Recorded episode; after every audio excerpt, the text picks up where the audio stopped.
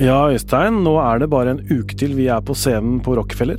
Det er det, og vi gleder oss skikkelig til det. Hvorfor det? Nei, for det første skal vi snakke om saker som vi aldri har snakka om før. Og så er det alltid gøy å møte de som kommer og hører på, så slå en prat etterpå. Ja, for vi kan jo prate litt med folk, vi som har lyst til det etterpå. Vi har ikke trøbbel med det. Dagen etter drar vi til Bergen og er på Verftet. Og så er det jo mange som har kjøpt billett, men sist jeg sjekka, så er det billetter igjen, Øystein. Ja, så her må man bare henge på.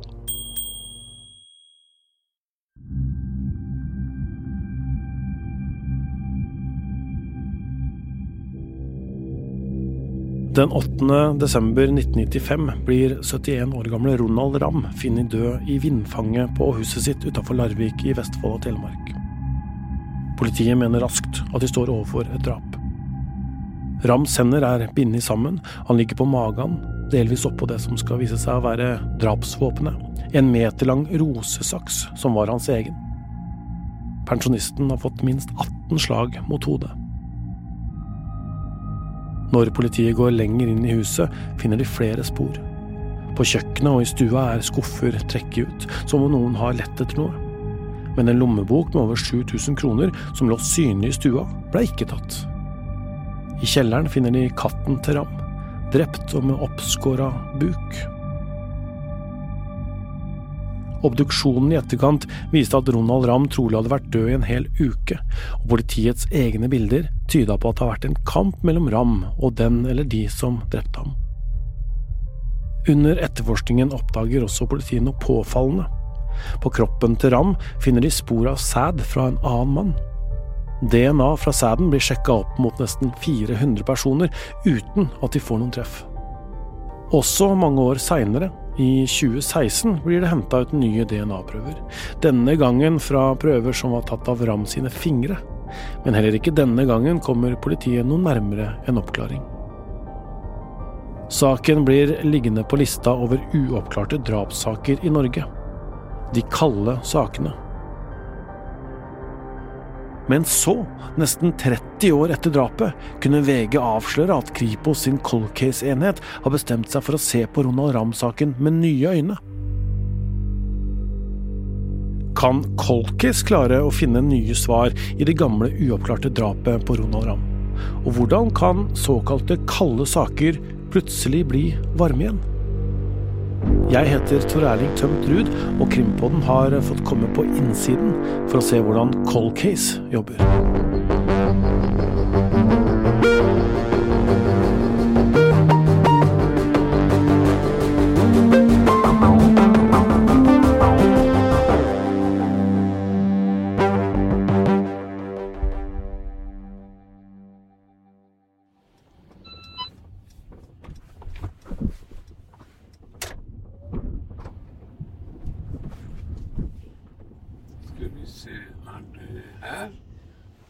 Hansens vei. Ja, her, ja. 25. Stemmer. Takk for turen.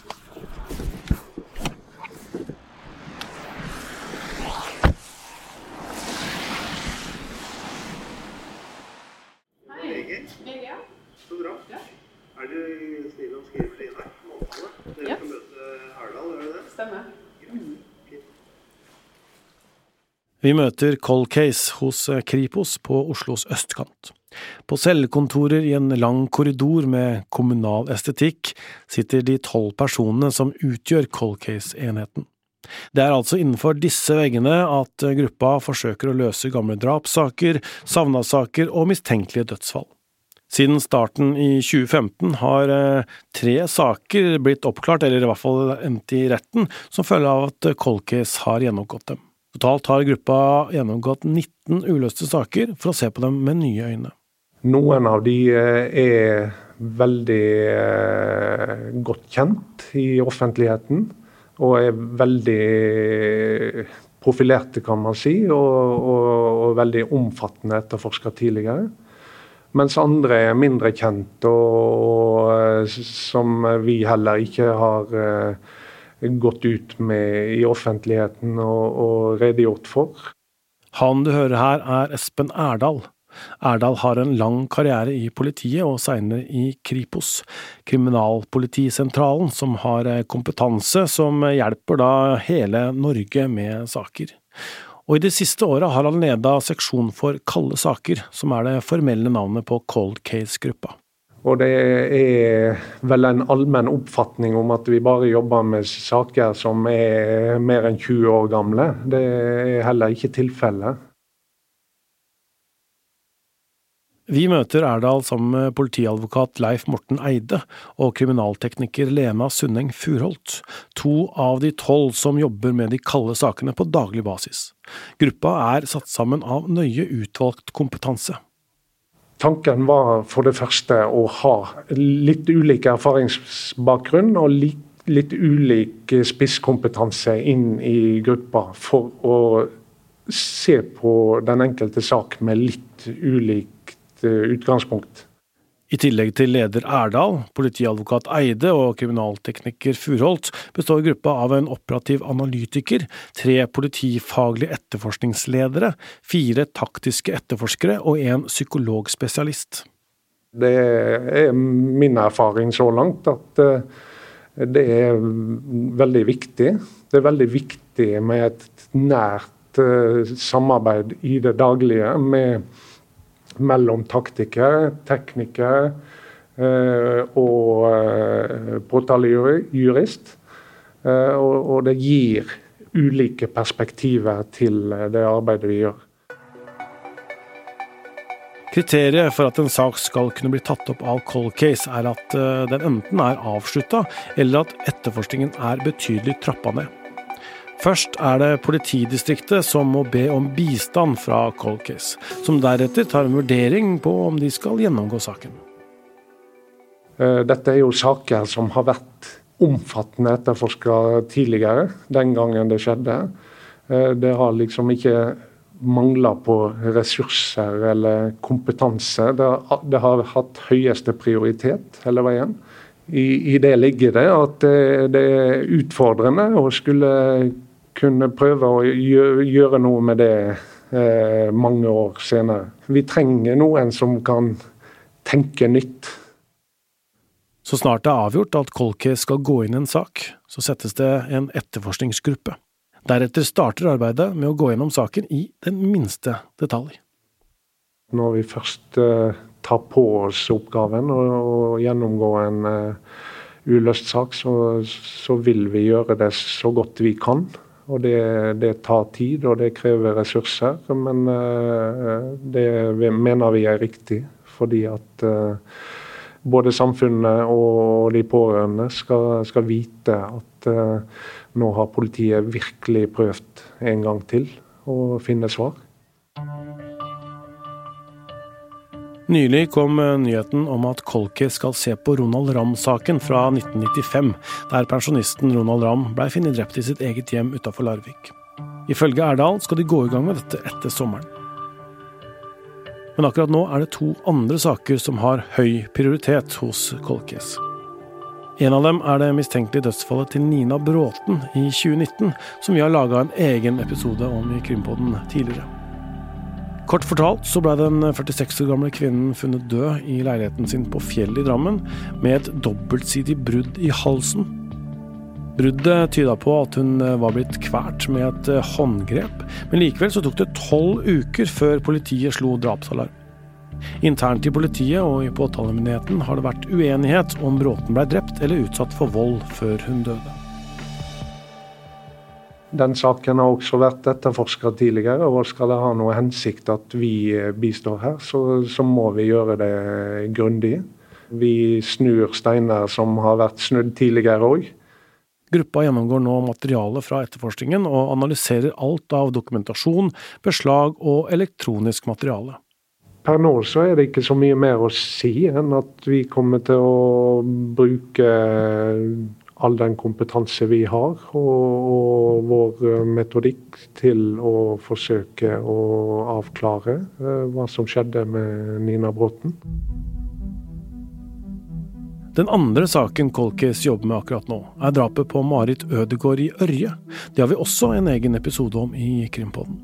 Den 76 år gamle enka drev bensinstasjonen noen hundre meter fra svenskegrensa, og pleide å ta med omsetningen hjem i helgene. Natt til 23. oktober i 2000 så blei hun overfalt og drept på brutalt vis med et økseskaft i sitt eget hjem. Og pengene fra kvelden før var borte. Colcase starta arbeidet sitt med denne saken høsten 2020, men har i perioder underveis måttet stille arbeidet midlertidig på vent, bl.a. av kapasitetsgrunner. Vi eh, har eh, hatt en løpende dialog med politidistriktet òg, og, vi har eh noen undersøkelser som eh, gjenstår innenfor det, det, kriminaltekniske. Men i denne saken er spora langt kaldere enn i Nina Bråten-saken, ettersom det til høsten er 23 år siden Marit Ødegaard ble funnet drept. Når opplysningene i en sak er gamle, blir de også mer utfordrende å gjennomgå. Det gjelder særlig de taktiske opplysningene, som for eksempel vitneutsagn, som kan være vanskelig å kontrollere. Det kan være for at de ikke lever lenger, og så er det jo sånn at, at tiden påvirker hvordan man, man, husker ting. Eh, det er sånn ren vitnepsykologi egentlig som liksom ligger i det. Du hører politiadvokat Leif Morten Eide. I tillegg til at eh, mange av sakene har vært omtalt i media bl.a. Eh, noe som også er med og påvirker eh, hukommelsen til de som, som kan ha sett eller hørt noe. Siden den taktiske delen av etterforskningen kan være vanskelig å kontrollere så mange år etterpå, blir de tekniske sporene ofte veldig sentrale når de gjennomgår eldre saker. Det kan være ting som blodspor og fingeravtrykk, kjøretøyspor eller foto fra åstedet. Kriminaltekniker Lena Furholt forteller hvordan de jobber med å gjennomgå de kriminaltekniske sporene i de eldre sakene. Vi må jo få oversikt over alt av beslag og spor som er sikret fra den eh, tiden. Det kan jo også gå på notoritet, dokumentasjon. Hva er det som ble gjort eh, den gangen? Um, og så er det jo håndtering av, eh, av beslag, og det kan jo også, også, gå på notoritet. Hva er det som er gjort med de ulike beslagene? Fordi går vi videre også med analysemetoder og sånn som er sårbare, så må vi også vite hvordan dette har vært håndtert. For det er jo, det er jo viktig i et rettssikkerhetsperspektiv også at vi, vi, gjør dette på en grundig og god måte. Og skal man bruke resultatene, så må vi også ha kontroll på, eh, på hvordan beslagene har vært håndtert. da. Også kriminaltekniker Furholt innrømmer at det er utfordringer knytta til det å jobbe med eldre saker. Man skulle jo ønske at alt var ideelt, og hadde man kunnet sett inn i glasskula, så hadde man på noen områder sikkert gjort ting noe annerledes. Og så må man jo huske på at dette er jo Altså i år 2000 f.eks. så var det jo de forutsetningene man hadde da. De metodene man hadde, hadde da. Eh, hadde man visst at det kom andre metoder senere, så kunne man jo ha gjort ting annerledes. Men det, de hadde jo de forutsetningene de hadde. Men sjøl om tida på mange måter jobber imot dem, er det også tida og de kriminaltekniske framskrittene som har skjedd siden saken sist var under aktiv etterforskning, som kan gi håp om en oppklaring. Det skjer jo stadig utvikling eh, innenfor det kriminaltekniske. Både med tanke på teknologi, metoder og analyseverktøy. Eh, og vår oppgave er jo å snu eh, både steiner og sandkorn. Tanken på de pårørende er noe alle i gruppa bærer med seg i arbeidet, forteller Erdal. Fra det blir kjent at, at, vi eh, skal gjennomgå en slik sak, så er vi opptatt av at uh, først og fremst de pårørende skal ha realistiske forventninger til uh, det arbeidet og den innsatsen vi gjør. Vi må bare innse at uh, dette er ikke noe quick fix. Og, og, det at vi går inn i en, en slik sak, er ikke ensbetydende med at uh, den vil bli oppklart, og at de vil få de svarene som de uh, så veldig gjerne ønsker. Tre av sakene Colcase har gjennomgått, har endt med å bli etterforska på nytt, og enten blitt oppklart eller endt i retten. Den mest kjente av disse er den aller første saken gruppa gikk inn i, nemlig drapet på 17 år gamle Birgitte Tengs fra Karmøy i 1995. Erdal var på den tida drapet skjedde, etterforsker i Kripos, og kom inn i Tengs-saken ca. fire måneder etter at Birgitte blei funnet drept. Over 20 år seinere var Cold Case under Erdals ledelse involvert i gjennombruddet i saken. En ny analyse av Birgittes strømpebukse førte til at Jonny Vassbakk i februar i år ble dømt til 17 års fengsel. Vassbakk har hele tida nekta for å ha noe med drap å gjøre, og han har anka dommen. Dommen er dermed ikke endelig eller rettskraftig, som det heter. Det er klart det, det er spesielt. Eh, man har jo, når man jobber så intenst med en sak, et inderlig ønske om å få svarene på, på bordet og, få, å finne ut hva som skjedde. Den saken har vært uoppklart nå i veldig mange år. Så det ønsket har jo jeg også båret med meg. Ved årsskiftet var det registrert 35 uoppklarte drap i Norge i tidsperioden 1990 til 2022. I 2014 så kom det en lovendring som fjerna foreldelsesfristen i de mest alvorlige volds- og seksualforbrytelsene. Dermed vil disse sakene ikke lenger ha en utløpsdato. Og så er det jo viktig å, vise samfunnet at politiet ikke gir opp i disse sakene. Man ønsker å vise samfunnet rett og slett at uh, saken aldri blir glemt, og at det uh, alltid kan være aktuelt, og at gjerningspersonene blir stilt til ansvar for det, det de en gang gjorde. Sjøl om sakene Kolkes jobber med til tider kan nesten virke umulig å løse, har gruppa en viktig drivkraft. Hvis jeg skal begynne å si noe om det, så er det jo eh, det mm, å prøve å kunne gi de pårørende svar på hva som skjedde med, med deres kjære. Eh, det står veldig sterkt. Eh, jeg har møtt gjennom de årene jeg har jobba med med drapsetterforskning og de årene vi nå har bak oss, har jeg møtt mange pårørende.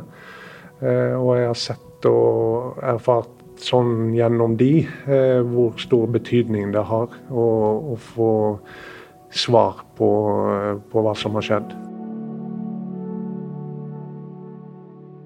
De vil aldri få tilbake sine kjære, men uh, eh, iallfall veldig mange av de sier at det, det som kan hjelpe de videre i livet, eh, det er å få svar på uh, hva som skjedde. Så er det jo det at vi vet jo at svaret ligger der ute, så det er jo også en motivasjonsfaktor. Er det noe som ikke er undersøkt, er det noe man kan finne med å gjøre ting på nytt, så, så vet vi jo at noen vet, kanskje flere, flere vet.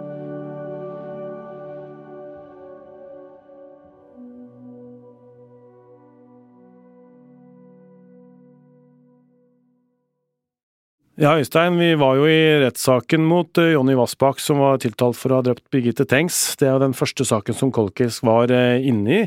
Og så har vi flere saker. Du har den såkalte Sjøvegan-drapet.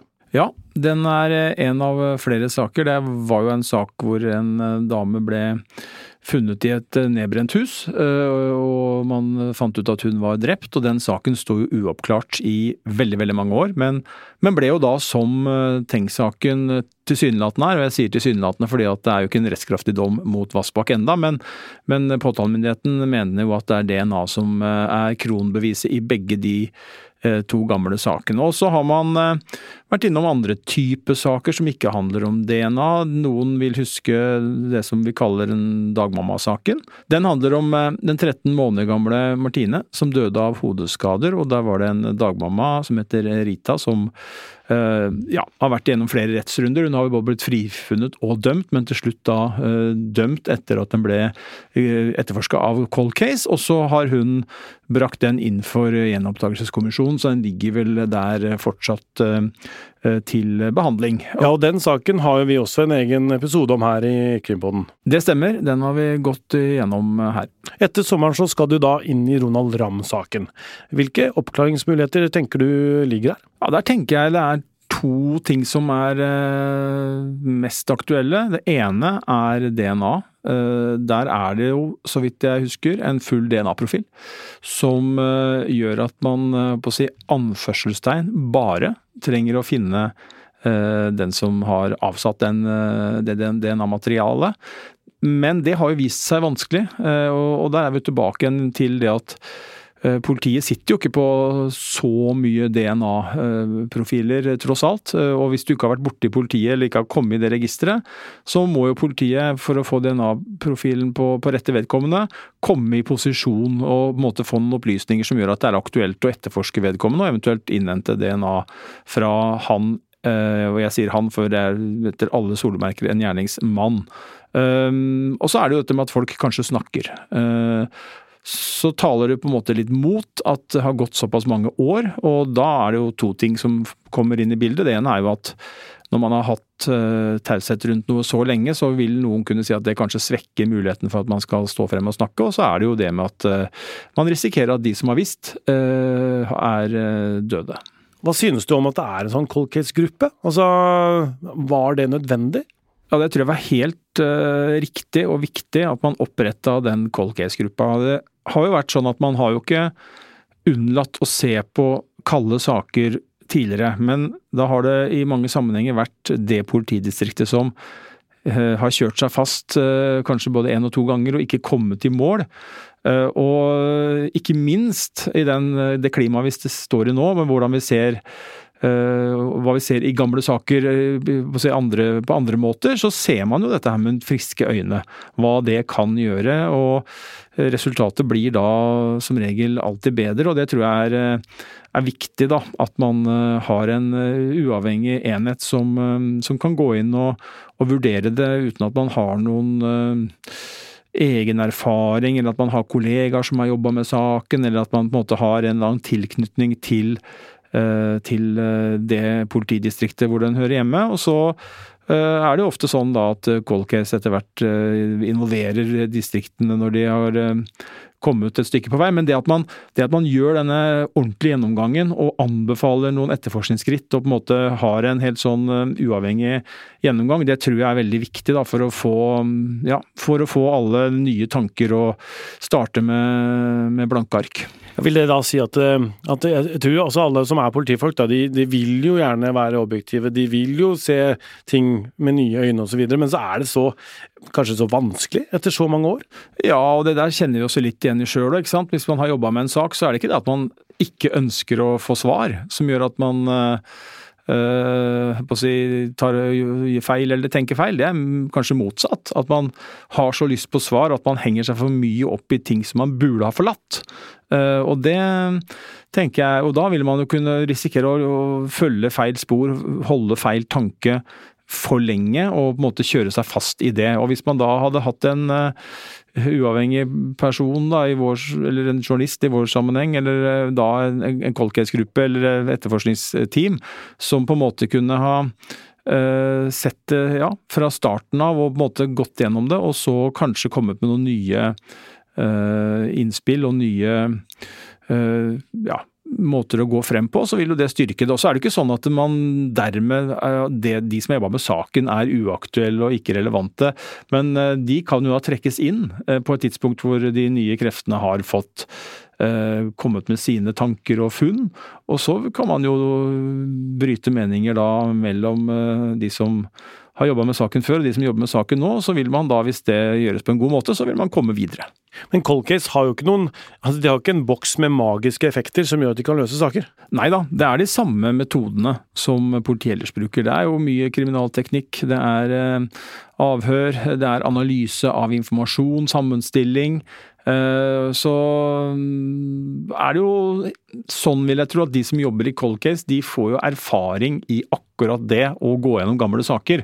Det å gå inn i store dokumenthauger, eh, systematisere det og på en måte Eh, så, jeg tror du på en måte etter hvert får en eh, effekt av det òg, at du har eh, spesialister da, som holder på med det, istedenfor at man som tidligere da satte på folk som, som kanskje ikke var borti så mange gamle saker så ofte, som da gikk gjennom disse sakene lokalt. Så, så jeg tror den cold case-gruppa nå, etter hvert som den er, nå har den vart noen år, så tenker jeg at den er i ferd med å bygge en ganske god sånn grunnkompetanse i kraft av at man får kontinuitet på akkurat den biten. Og så sitter de da på Kripos, ikke sant sant, eh, Kriminalpolitisentralen, som er på en måte kompetansepolitiet da, kan du si, i, i, Norge.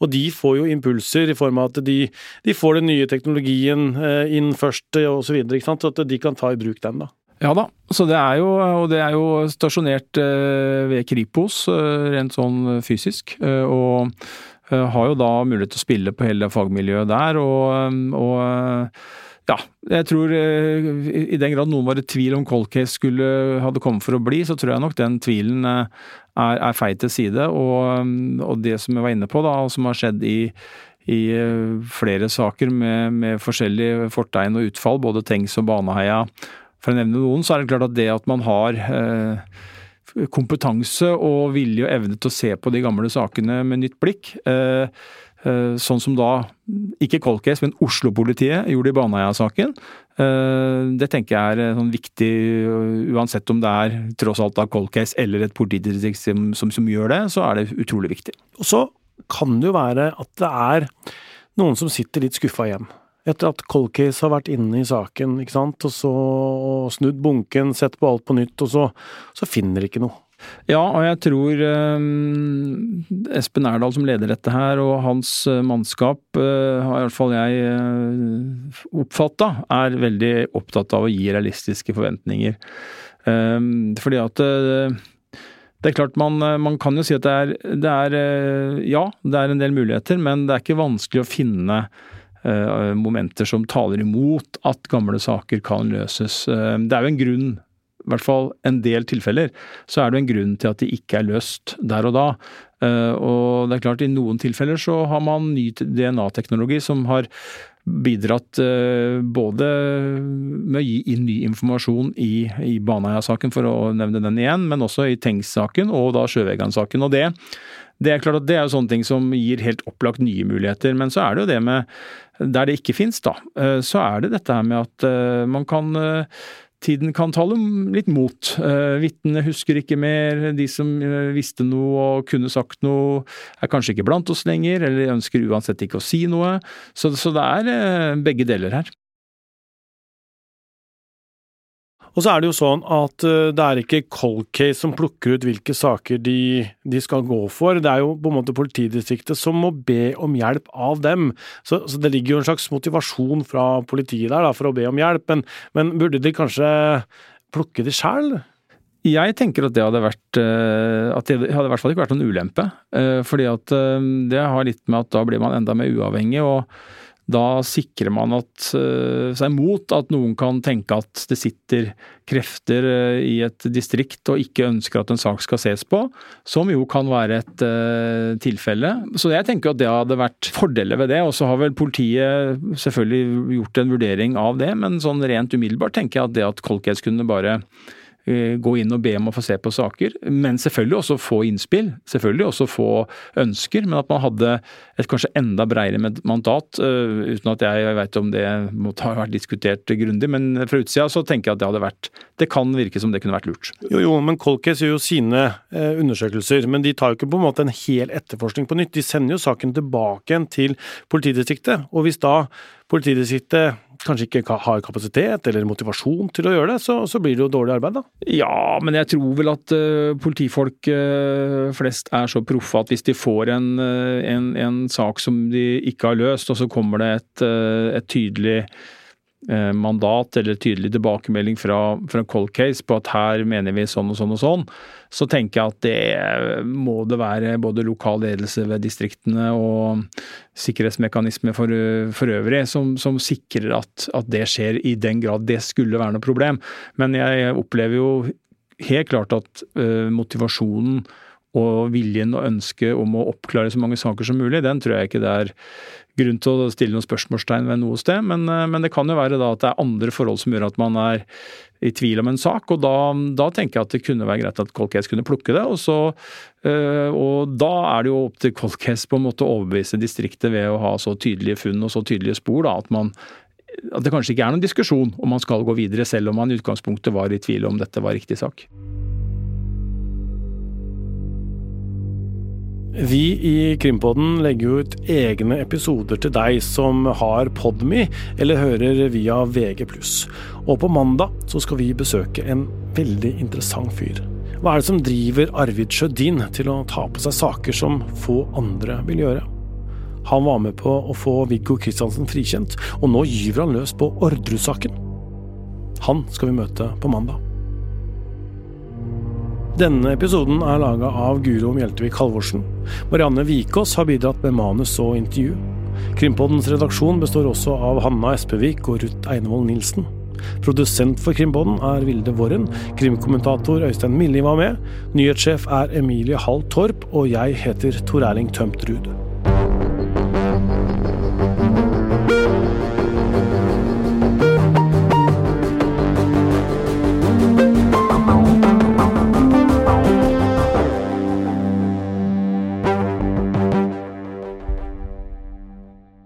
Har hørt en podkast fra VG. Ansvarlig redaktør, Gard Steiro.